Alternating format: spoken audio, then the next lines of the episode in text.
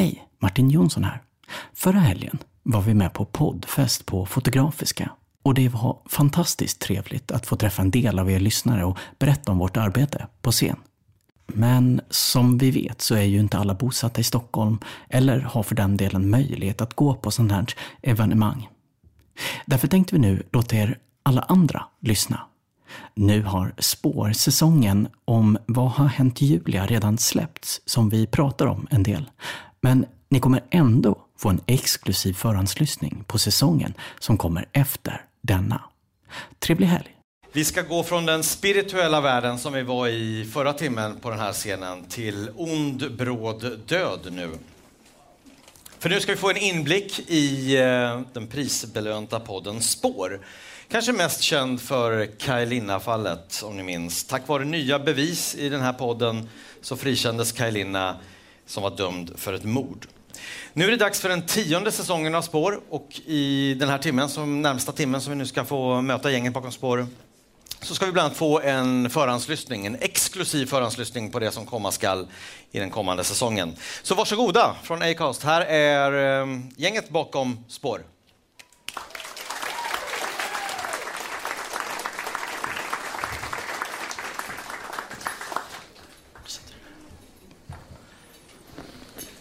Så fint att vara här.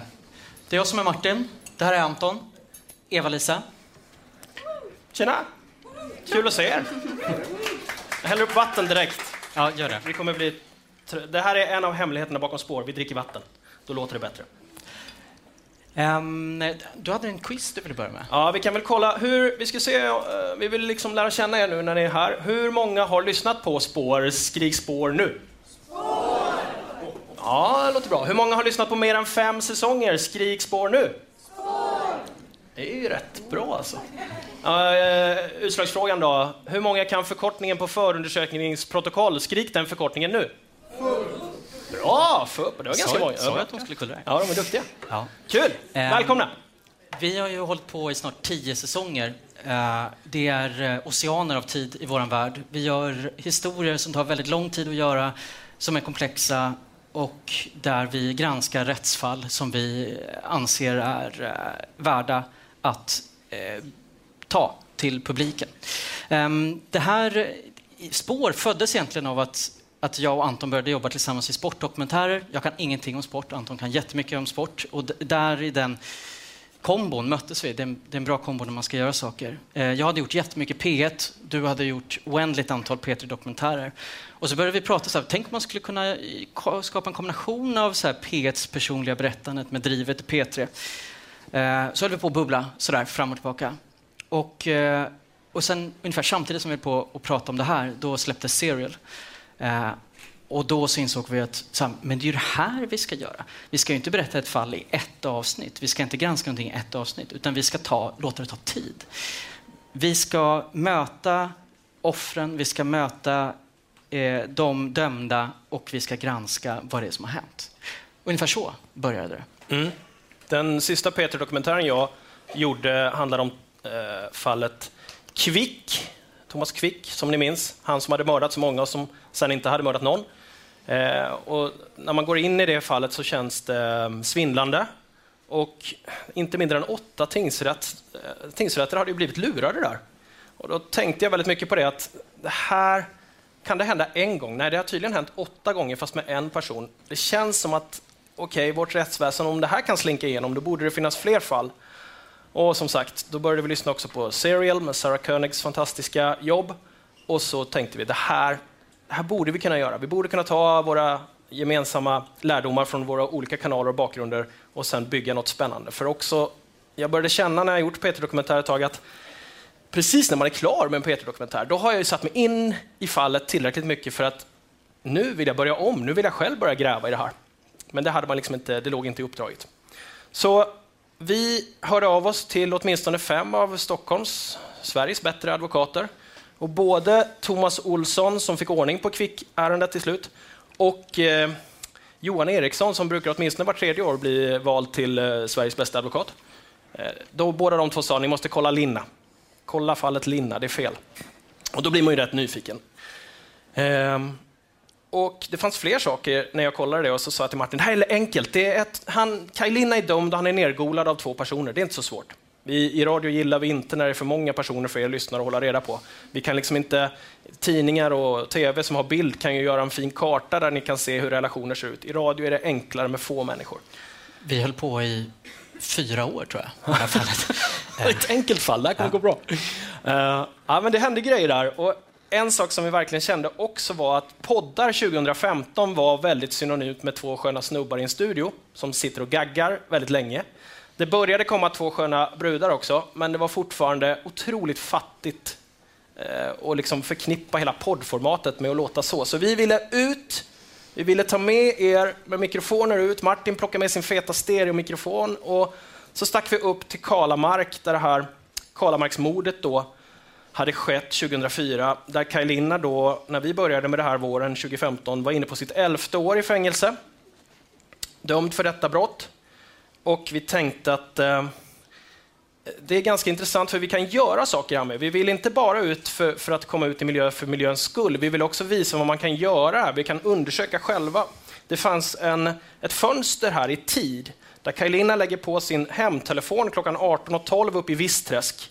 Sen ska han då enligt åtalet åkt Vissträsk bil ner till Kalahattens parkering, ungefär en timmes bilfärd.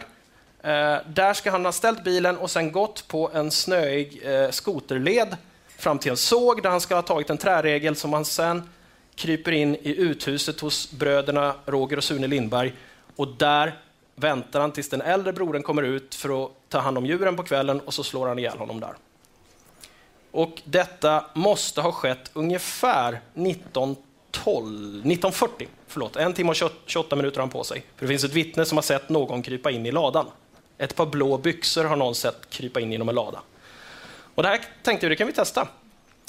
Eh, vi var också väldigt inspirerade av eh, Jan Guillou när han kör en jävligt snygg bil i en väldigt snygg jacka nere i Malmö.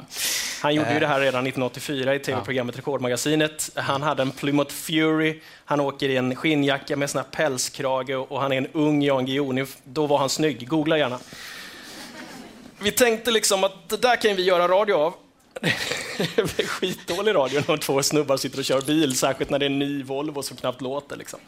Eh, men när vi ställer bilen och går på den här skoterleden, då, då händer det grejer. Åh, tjej! Ja, Okej. Ja. Det här kommer... Ja, fan. Ja. Så länge vi går på själva skoterspåren går det oftast bra. Men ibland är det förrädiskt även där. Snön är ibland så djup att man sjunker ner till knäna när man råkar trampa igenom. Nära sågen blir det ännu svårare. För här finns inga skoterspår längre. Nu är snön opackad. Och när man sjunker ner nu... Jävlar. Är det med hela benen. Jag vet inte om det är någon som har badat i djupsnö. Jag har gjort det många gånger. Det är mycket jobbigt. Det är tungt. Hastigheten nu är inte snabb då? Till slut, när vi når fram till ladan där mordet skedde, då visar klockan. Då kom vi hit på en timme och 45 minuter. 1.45? Från där han bodde.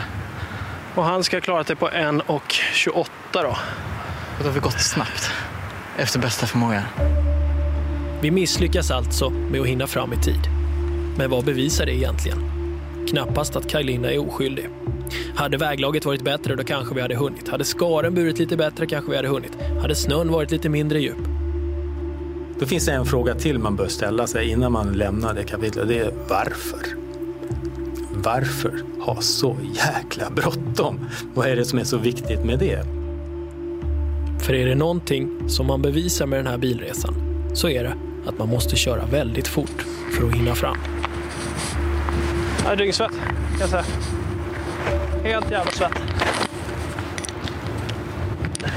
Vi drog på oss värsta förkylningen båda två eftersom vi var ute vid eh, ingenstans och dyngsvett och sen var det kallt. Men det var det värt, för vi lärde oss en massa saker. Alltså, eh, en sak som vi också hade som en insikt var ju att många människor eh, har ju väldigt mycket tankar kring vad som har hänt i olika mordfall och sådär. Men genom att själv eh, testa saker och framförallt att åka till platserna så får man ju väldigt mycket insikter om vad som har hänt och vad som kanske inte har hänt. Eh, och just i det här fallet så var det både för mig och Anton som poletten föll ner, som var det som också Kai säger, att men varför ska man ha så himla, himla bråttom? Eh, vi höll ju på med det här fallet i många, många år som sagt och det blev väldigt många avsnitt. Eh, och Kai eh, fick till slut resning och där var en intervju som vi gjorde som bidrog till det. Men sen dess har det alltså gått nio säsonger till och, och nu har ju vår redaktion växt. vi jobbar bland annat med Maria Hansson Botin som är på semester och så Eva-Lisa Wallin som har jobbat i 15 år mer som journalist och på Peter Krim. Nästan 20. Nästan 20. Ja. Eh, och eh, är nog Sveriges absolut skickligaste krimreporter. Vi är så glada att du jobbar med oss. Tack. Jag blir alltid lite generad när det kommer sånt där. Men, eh, ja. Och nu blev jag ännu mer generad. Men, eh, nej men jag har jobbat som, eh, med lite diverse inom krim kan man säga eh, under rätt många år. Det är typ halva mitt eh, journalistliv kan man säga. Både eh, skrivet, tv och eh, framförallt radio senaste tiden. Och känns väldigt kul att få vara del av eh, Spår också. Eh, när jag fick frågan om att ingå i den här eh, redaktionen så var jag rätt nyfiken på så här, ah, okej, okay, eh, alltså som, som Anton sa så är det så här, men kan, kan en man bli dömd för åtta mord och sen helt, bli helt friad? Det är klart att det finns en massa skit inom rättsväsendet som måste lyftas upp och granskas.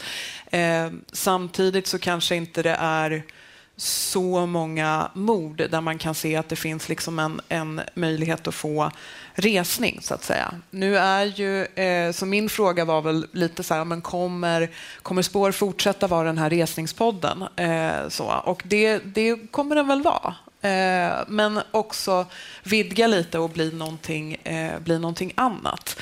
Jag sa eh, till en kompis en gång att vi är det närmsta Sverige har ett resningsinstitut. Och det är jättefint att, vi, att ja, men, Spår är det Möjligen lite överdrivet, ja. men, men mm, det är inte ja. jättemånga journalister som är superintresserade i just den här frågan med rättssäkerheten, utan snarare hur ska vi få stopp på gängen? Och det är också en viktig fråga. Mm. Förlåt. Ja. ja. men precis. Nej, men, och det finns ju någonting väldigt viktigt i att eh, granska rättsväsendet, eh, särskilt integritetsfrågorna. det känns som att det börjar bli, det börjar nibblas rätt mycket i kanterna på eh, hur, eh, hur vårt samhälle ska se ut och vilken typ av avlyssning som, eh, som får ske, helt enkelt. Men eh, om vi då pratar gängkriminaliteten. Eh, jag hade en idé när vi, när vi liksom kom in i spår, eh, eller när jag började jobba med spår, eh, som handlade om att eh, kanske inte se till så att någon får resning, så att säga, men gå tillbaka till en historia från min gamla hemstad. Det är egentligen ett ja, ett fem, fem år gammal liksom stor eh, narkotikaoperation uppe i Sundsvall och kanske framför allt i Härnösand i Västernorrland. Eh, där polisen beskrev som en slags vad ska man säga, eh, succéhistoria, att man hade fått till x antal fängelseår som polisen brukar, brukar gilla att räkna eh, och eh, ansåg att man hade liksom förändrat läget gällande eh, narkotikabrottsligheten. Ehm, jag hade fått tips om den här historien från eh, polishåll faktiskt, att en av liksom, huvudpersonerna hade åkt dit på nya saker och att det blev som ett slags bekräftelse på det man kanske inte riktigt hade lyckats med, om man ska säga, i, i eh, Sundsvall då för, för fem år sedan. Eh, jag bestämde mig för, eller vi pratade, diskuterade den här idén eh, och jag gick tillbaka till liksom, och vad ska man säga, skrapade lite på ytan eh, vad som egentligen hade hänt under den här operationen. Och det är ju inte bara, det landade till slut i en säsong som heter Jakten på Grizzly, eh, som inte bara är liksom en, en berättelse om en, en succéhistoria där polisen har gjort en stor narkotikaoperation som de är jättenöjda med, utan också visar en eh, förändring i hur eh, narkotikabranschen liksom, går från att vara flera mindre aktörer eh, uppe i Västernorrland till att bli eh, Ehm, ja, kanske egentligen den liksom marknad som det nu krigas om med, med starka krafter, eh, nätverk som har både koppling till Sveriges storstäder men också eh, utomlands. Eh, att komma tillbaka till en sån här härva innebär ju också att det finns personer som kanske var inne i eh, narkotikaförsäljning eller själva var missbrukare eller båda delarna, eh, att de kanske har tagit sig ur det och eh Eh, kan prata om saker på ett lite annat sätt. En av dem som eh, kunde tänka sig att prata är en tjej som vi kallar eh, Emma. Hon var i det här liksom, nätverket och eh, gjorde sin andra vända i missbruk eh, där hon både tog amfetamin och sålde till andra och berättar en del om hur det livet såg ut. Och jag menar, jag har ju kunskapen med mig från förra svängen att det är förbannat dyrt, men det är jävligt lätt att göra pengar på.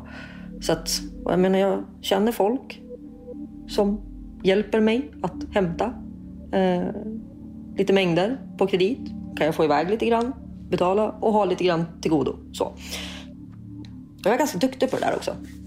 Kvick och du vet, organisera det där. Så att det gick ganska snabbt att få upp en kundkrets igen, fast här i stan då. Hur mycket hade du, hur mycket liksom hade du åt gången då så att säga?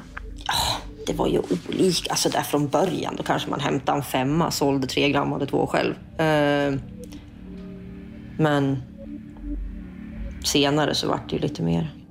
Polisen blir ändå förvånad över omfattningen av Härnösandsnätverkets kopplingar.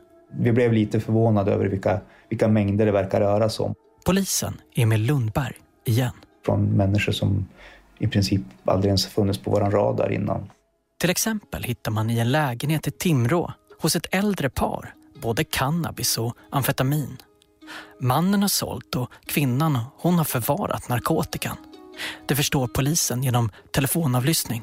N när man stoppar en, en kille som förvisso är, är känd eh, inom narkotikakretsar och sådär, men när man, när man har ICA-kassar fulla med liksom tablettkartor från eh, från forna Jugoslavien. Eh, liksom, vi pratar tiotusentals piller eller när man hittar emballage som visar att det i en, i en villa har kanske förvarats 50-60 kilo cannabis och tiotals kilo amfetamin hos en i princip ostraffad individ. Då börjar man ju förstå att här är det ju inte, det är ingen småhandel som sker utan här är det ju mer eller mindre här är ju en industriell, här har man ju en tanke mer kring hur man ska hantera det här och man har kontakterna och allting verkar, allting verkar falla på plats. Här finns det en organisation, det här är liksom ingen enskild individ som, som kör ett eget race utan här, här finns det ju fler krafter som, som verkar.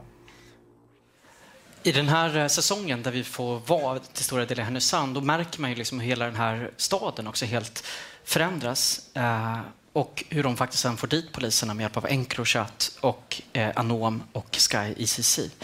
Kanske inte riktigt på grund av polisen i Sverige utan poliser runt om i världen. Eh, Maria som inte är här eh, håller också på att göra en egen granskning och eh, det är ju en av fördelarna med att jobba i en grävande redaktion, att vi kan jobba parallellt. Eh, och en av de sakerna som vi alltid gör, vi får in sjukt mycket tips på olika saker vi ska granska, det är ju att man läser domen och så ser man hur logiken kring juridiken är byggd.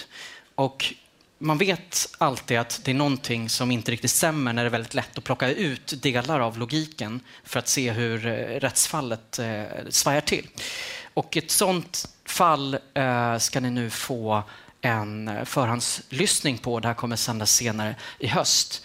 Eh, ett mord där eh, som enligt domen och åklagare ska utspela sig på en snöig balkong. Det är bara det att det inte finns något spår efter något mord på balkongen.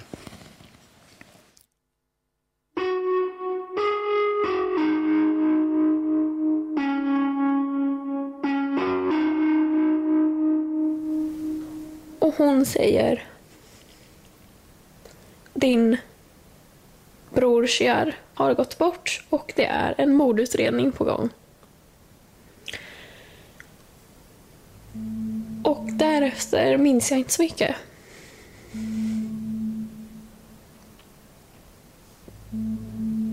Det kändes som att min själ gick sönder. Polisens utredning kring ett misstänkt mord i Åtvidaberg fortsätter idag. Den 10 februari 2021 larmas polis till en lägenhet i Åtvidaberg. Jag försöker hitta puls men hittar ingen puls och ropar upp där på radion att jag har en man som är livlös. I lägenheten hittas en 31-årig man död i en säng. Han har fått flera knivhugg. Det är stökigt i den lilla enrummaren. Här finns tecken på tumult, på bråk. Jag försöker hålla i honom. Det blir brottningsmål. Han försöker slå mig, jag försöker slå honom. Fyra personer blir misstänkta för mord. Jag skriker till honom, det räcker, det räcker. Liksom, tänk på din pappa, det räcker, det räcker, det räcker. Och det finns ett vittne. Offrets pappa, som säger att han sett allt. Pappan säger att han såg hur två av de misstänkta, som är bröder, knivhögg hans son till döds på balkongen. Jag förstår att han har förlorat en son och det är, kanske, alltså det är jobbigt, jag förstår det. Men det har inte gått till på det sättet som han påstår. Det är bara det att på den snötäckta balkongen finns det inget blod. Inga tecken på bråk. Nej, menar, det, den här berättelsen om att han skulle ha dödats på balkongen, den är ju omöjlig. Så kan det ju absolut inte vara. Och det, det, för mig är det ju så konstigt att man inte har reagerat på det. Jag tänkte, varför säger han så då? Spår, säsong 11. De avgörande minuterna i Åtvidaberg.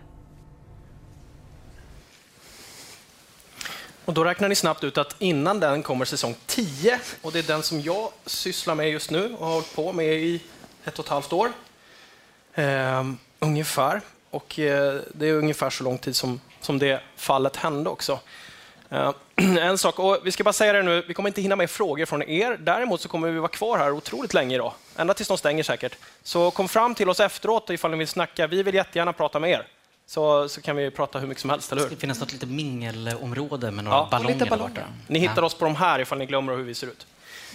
Eh, vi ska ju också ha vänner på scenen här snart. Så. Men när det gäller säsong 10, och som ni kanske har hört, ni som har följt spår, så vår tanke med vår journalistik kring brott, det finns ju en hel del mordpoddar där ute. Eh, för oss är det alltid viktigt att träffa människorna det handlar om. Det vi berättar om är det värsta människor har varit med om i sina liv. För en del människor har det slutat med att deras liv faktiskt tar slut i de här händelserna. Då känns det extremt viktigt att vi försöker ta kontakt med ja, men egentligen alla som är inblandade i de här händelserna för att vi ska kunna berätta om det på korrekt sätt. Också för att om ni själva tänker att ni har varit med om någonting som blir en nyhet så vill ni nog vara med där och, och kanske berätta om hur det var, ni som var närmast själva händelsernas centrum. Och Det här gör i sin tur att vi, vi kan få väldigt starka berättelser som, som vi märker också går hem hos er som lyssnar. Men det gör framför allt att vi kanske inte går snett etiskt. Det, jag ska inte säga att vi alltid gör rätt, men det är svårare att göra fel när man faktiskt sitter ner med de här människorna och tittar dem i ögonen och får höra dem berätta om det här. Och när det gäller säsong 10 som, har, som heter Vad har hänt Julia? Så var det ett tips jag fick från polisen i Malmö som jag följde upp med att höra av mig till de anhöriga. Det är alltså två döda i en lägenhet. Augusti 2021 i Malmö. Från början säger först polisen inte mycket mer än så, men de säger att är det är ingen mer eh, det är ingen utomstående inblandad. Och då brukar folk, vi journalister, fatta att okej, det rör sig om, om att en person har skjutit en annan och sen sig själv. Och så är det lite intressant såklart att veta vem, men i det här fallet så är det, då är det oftast avslutat också, för vi åtalar inte döda människor i Sverige. Så ett sånt fall brukar oftast ta slut ganska fort och de anhöriga kanske får veta vad polisen har tagit reda på vad som har hänt, men inte mycket mer än så. Det skrivs inte så mycket om sånt här. Men i det här fallet finns det en tredje person som gör att när jag väl tog kontakt med de anhöriga, då hade det liksom gått nio månader. Då hade de...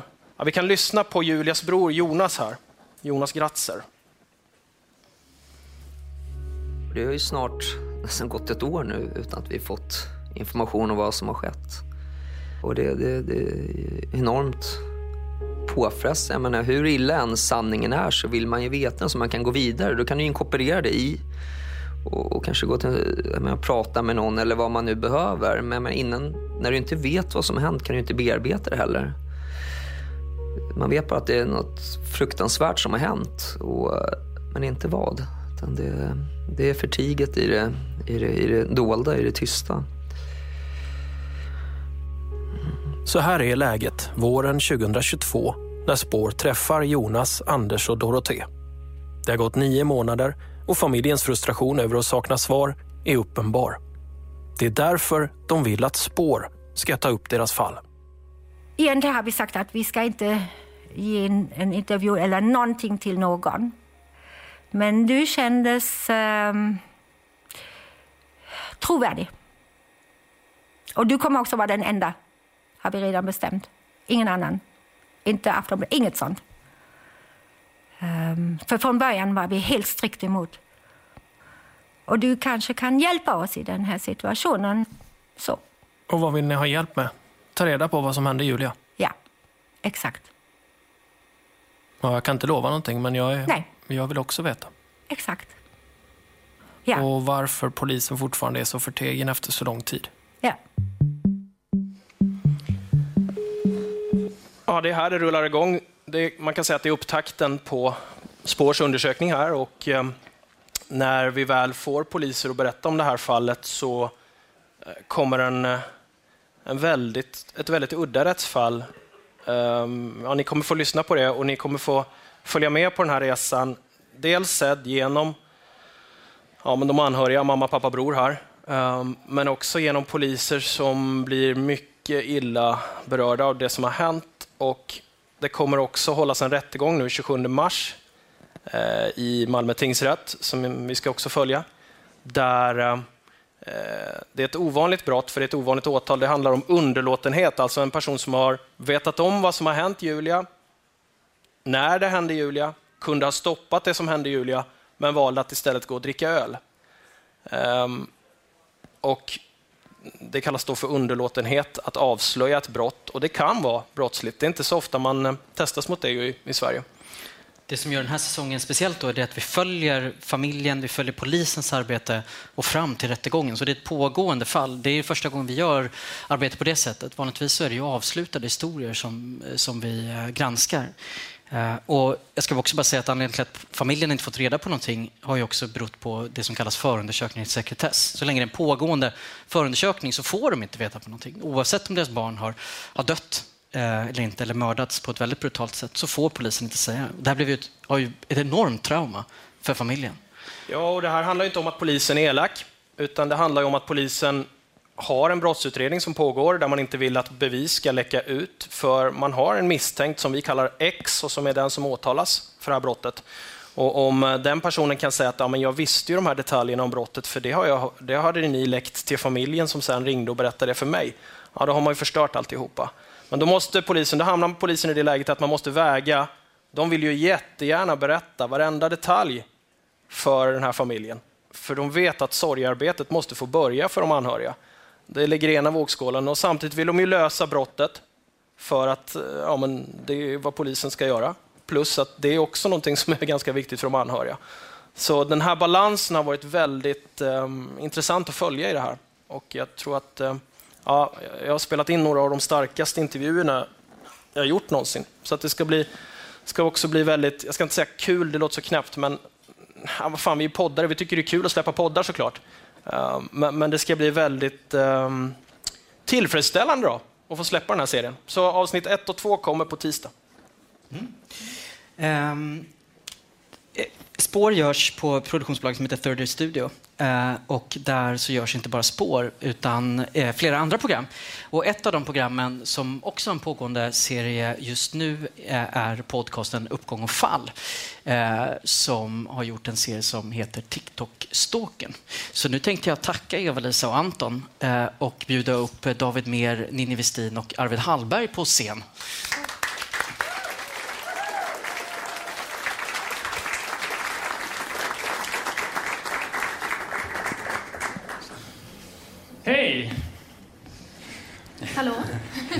Känns som jag hördes. ja, verkligen. David är redaktionschef på eh, bolaget. Eh, Ninni och Arvid är producenter för mm. eh, TikTok-stoken som mm. vi ska prata om idag. Men först ska du börja berätta om Uppgång ja, och fall. Jag tänkte att det är kanske inte så många som känner till vår podd som heter Uppgång och fall. Um, är det någon som känner till den?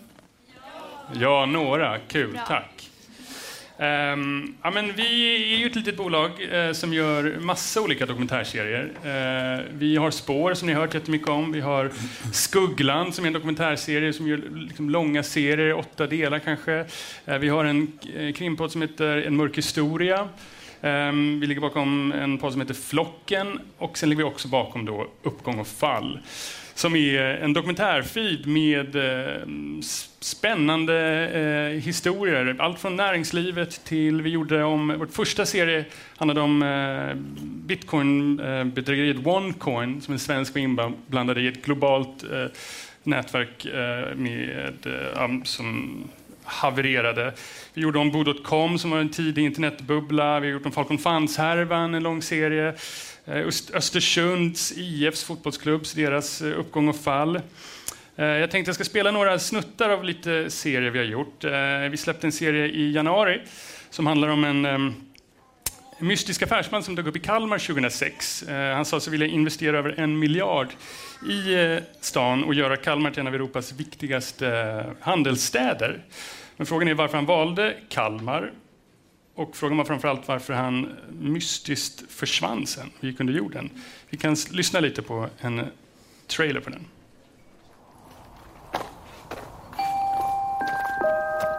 En gång för länge sedan fanns det en nedlagd gammal chokladfabrik i Kalmar. Här någonstans borde det ju vara. Vi brukade skejta där, jag och mina vänner. I den nedlagda chokladfabriken alltså.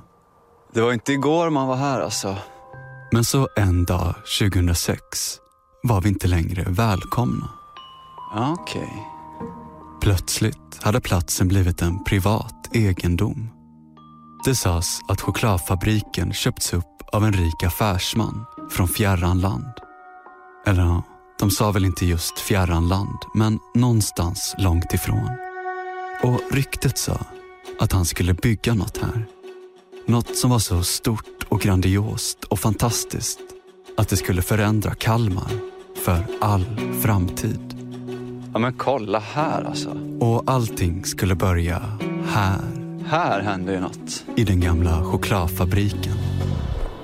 Men alltså, vad är det här? Third Ear Studio presenterar Uppgång och fall om miljardären som försvann. Det var ju många som sökte honom. Han är försvunnen. Han är en grop som omsätter 5 miljarder svenska kronor vill göra Kalmar till mittens rike i Europa. Vet du var Ying Xinglo befinner sig idag? Här var det verkligen teater. Det var verkligen teater. Ja. Um, vi vann förra året uh, ett prestigefullt pris som heter Pri Europa för uh, Europas bästa dokumentärserie. Den handlar om uh, vi kallar den för Ekerösvindlaren och handlar om vår reporter Love Lissarides som skulle bli pappa. Pri Europa, hörde du? um, tack. tack. Den handlar om Love då, som ska bli pappa och som alla fäder eh, får göra när de ska bli pappa första gången är de får hitta en barnvagn. Han gav sig ut på Facebook Marketplace för att hitta en barnvagn eh, och trillade ner i ett kaninhål av svindlerier och bedrägerier av det ena större än det andra. Vi kan lyssna på en kort trailer från den också. Om jag tittar tillbaka på det som jag har gjort som journalist den senaste tiden så är en röd tråd just bedragare.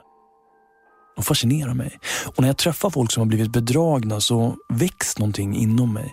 En ilska som jag själv kan bli förvånad över. Och därför är det kanske inte så konstigt att jag ska berätta den här historien för er nu. För den handlar om en bedragare och sökandet efter svar har tagit mig hela vägen till Tornedalen. Till Haparanda och gränsen till Finland. Jag, förstår, jag är nämligen här i Haparanda och gör ett reportage. Vet du vem det är? Jag har pratat med allt ifrån norska miljardärer till spanska poliser. Finansgubbar och affärsmän. Jag har druckit espresso med investerare på flashiga kontor i Stockholms innerstad. Men jag har också druckit näskaffe på en bensinmack i Kalix. Hej, jag började faktiskt fylla på en kaffe redan innan jag betalade. Det var ju... Allt för att förstå den här bedragaren. Men det finns en sak med den här berättelsen som skiljer sig från alla tidigare historier om bedragare som jag berättat. För grejen med den här historien, det är att allt började när den här personen, vår huvudperson, en dag i december förra året bestämde sig för att blåsa mig. Så det är nog där vi ska börja den här berättelsen. Dagen då jag råkade ut för Ekerösvindlaren. Ekerösvindlaren hette den. Eh, men idag tänkte vi prata om vår senaste serie som ligger ute nu. Eh, den är i tre delar Eh, och heter TikTok Stalkern. Det finns två delar ute eh, nu. Man kan lyssna på för prenumeranter kan man lyssna på hela serien. Ehm, den handlar om en tjej som heter Tilla Törnqvist som är en känd svensk influencer.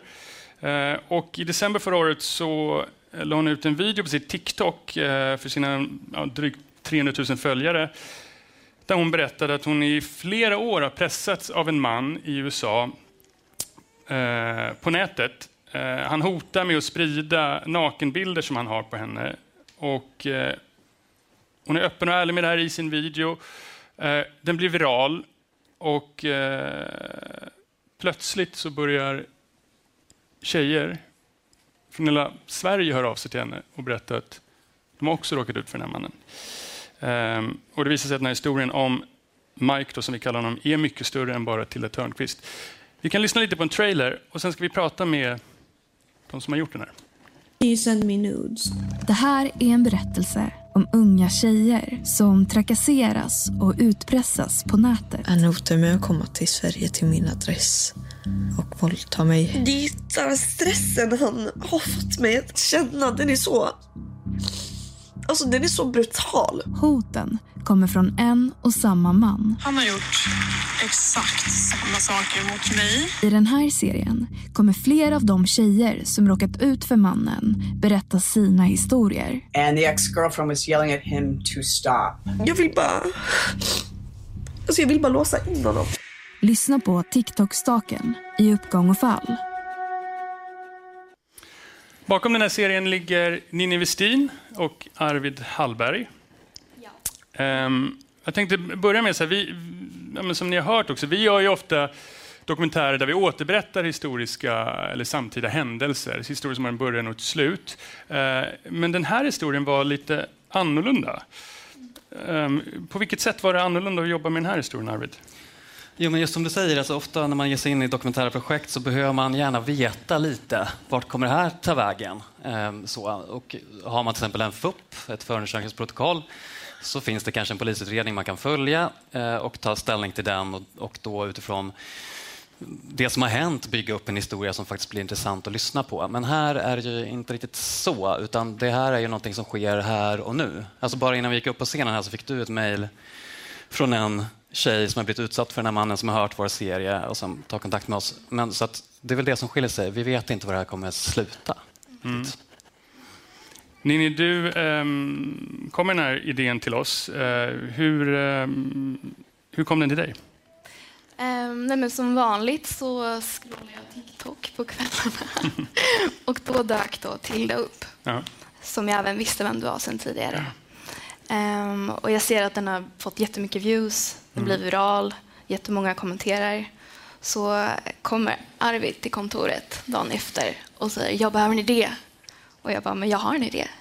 Kolla den här videon. Um, så det var så det började. Mm. Och då hör ni av er till Ja, Tilda.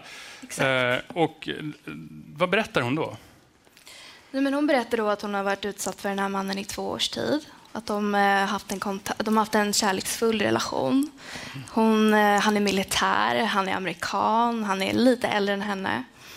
Och sen att hon då eh, har börjat lita på honom. De har haft en väldigt fin relation. Han skriver god morgon varje morgon, han skriver god natt. Men sen att han börjar förändras. Ehm, och då utpressat henne då till slut på hennes nakenbilder som hon då har skickat. Mm. Eller hotar med att sprida dem online. Ehm, och sen så kommer vi även fram till ganska fort efter att vi tagit ett möte med henne att eh, när hon då la upp den här videon på TikTok så skriver andra tjejer som då följer henne att de har varit med om samma man, eller de tror att de har varit med om samma man. Ehm, så vi får då en lista på ungefär 20 tjejer. ehm, då. I, nulä- i, då, I dåläget var det 20 tjejer som jag då börjar kontakta. Hur gamla är de? Eh, de är allt mellan liksom, 13 är den yngsta jag har pratat med till 25 typ. Ehm, Så jag börjar ju liksom ta mig igenom den här listan med namnen och kontakta dem. Och de berättar ju samma, alla berättar ju i princip samma historia, hur den här killen då betett sig mot dem. Ehm, Och där var också, det var ju superintressant att höra deras berättelser för att det, eh, Eh, de var ju samstämmiga, det hade gått till på ungefär samma sätt när man har tagit kontakt. Och sen det som sker i många fall är att de här tjejerna blir livrädda när han börjar hota med att läcka bilder, han hotar med att skada sig själv om de inte skickar mer. Han har massa förklaringar på varför de ska skicka nakenbilder på sig själva till honom eh, för att han ska må bättre på olika sätt. Sånt där. Och, sen, eh, och det som då sker sen när, de, när han börjar pressa dem är att många bara försöker blocka honom, radera allting. Så att i många fall finns ju deras berättelser. Men så finns det också vissa som har sparat skärmdumpar och de fick vi, har vi fått tillgång till att se. Så vi kan liksom se också styrka deras berättelser med skärmdumpar, hur han hotar dem på olika vis och vi kan koppla liksom hans avsändarna, hans användare till honom på olika sätt. Så därför han har använt sitt riktiga telefonnummer. Ja. Eh, av någon anledning. Du berättade att de var så, så unga som 12 år. Hur gör man när man kontaktar tolvåriga brottsoffer? Ehm, hur, hur, har liksom, hur har ni tänkt kring ehm, att berätta deras historier? Mm. Alltså man får ju gå försiktigt fram. Liksom. Um, för att det är ju väldigt, många av de här tjejerna är ju väldigt rädda för den här mannen. Och eh, de, de känner ju extrem skam över att de har skickat nakenbilder. Liksom. De har ju, alltså många av dem har ju inte ens berättat för sina föräldrar eller sina vänner. Så man får gå försiktigt fram. Och vi har ju smsat och ringt dem och förklarat. Liksom. Precis, Ja. de har ju också, ja, vissa av dem vi har intervjuat har ju då berättat för sina föräldrar eh, och så. Eh, men visst, det är en avvägning man måste göra. Vi har anonymiserat dem också, eh, så, även fast de kanske själva hade velat vara med med sina namn. Ja.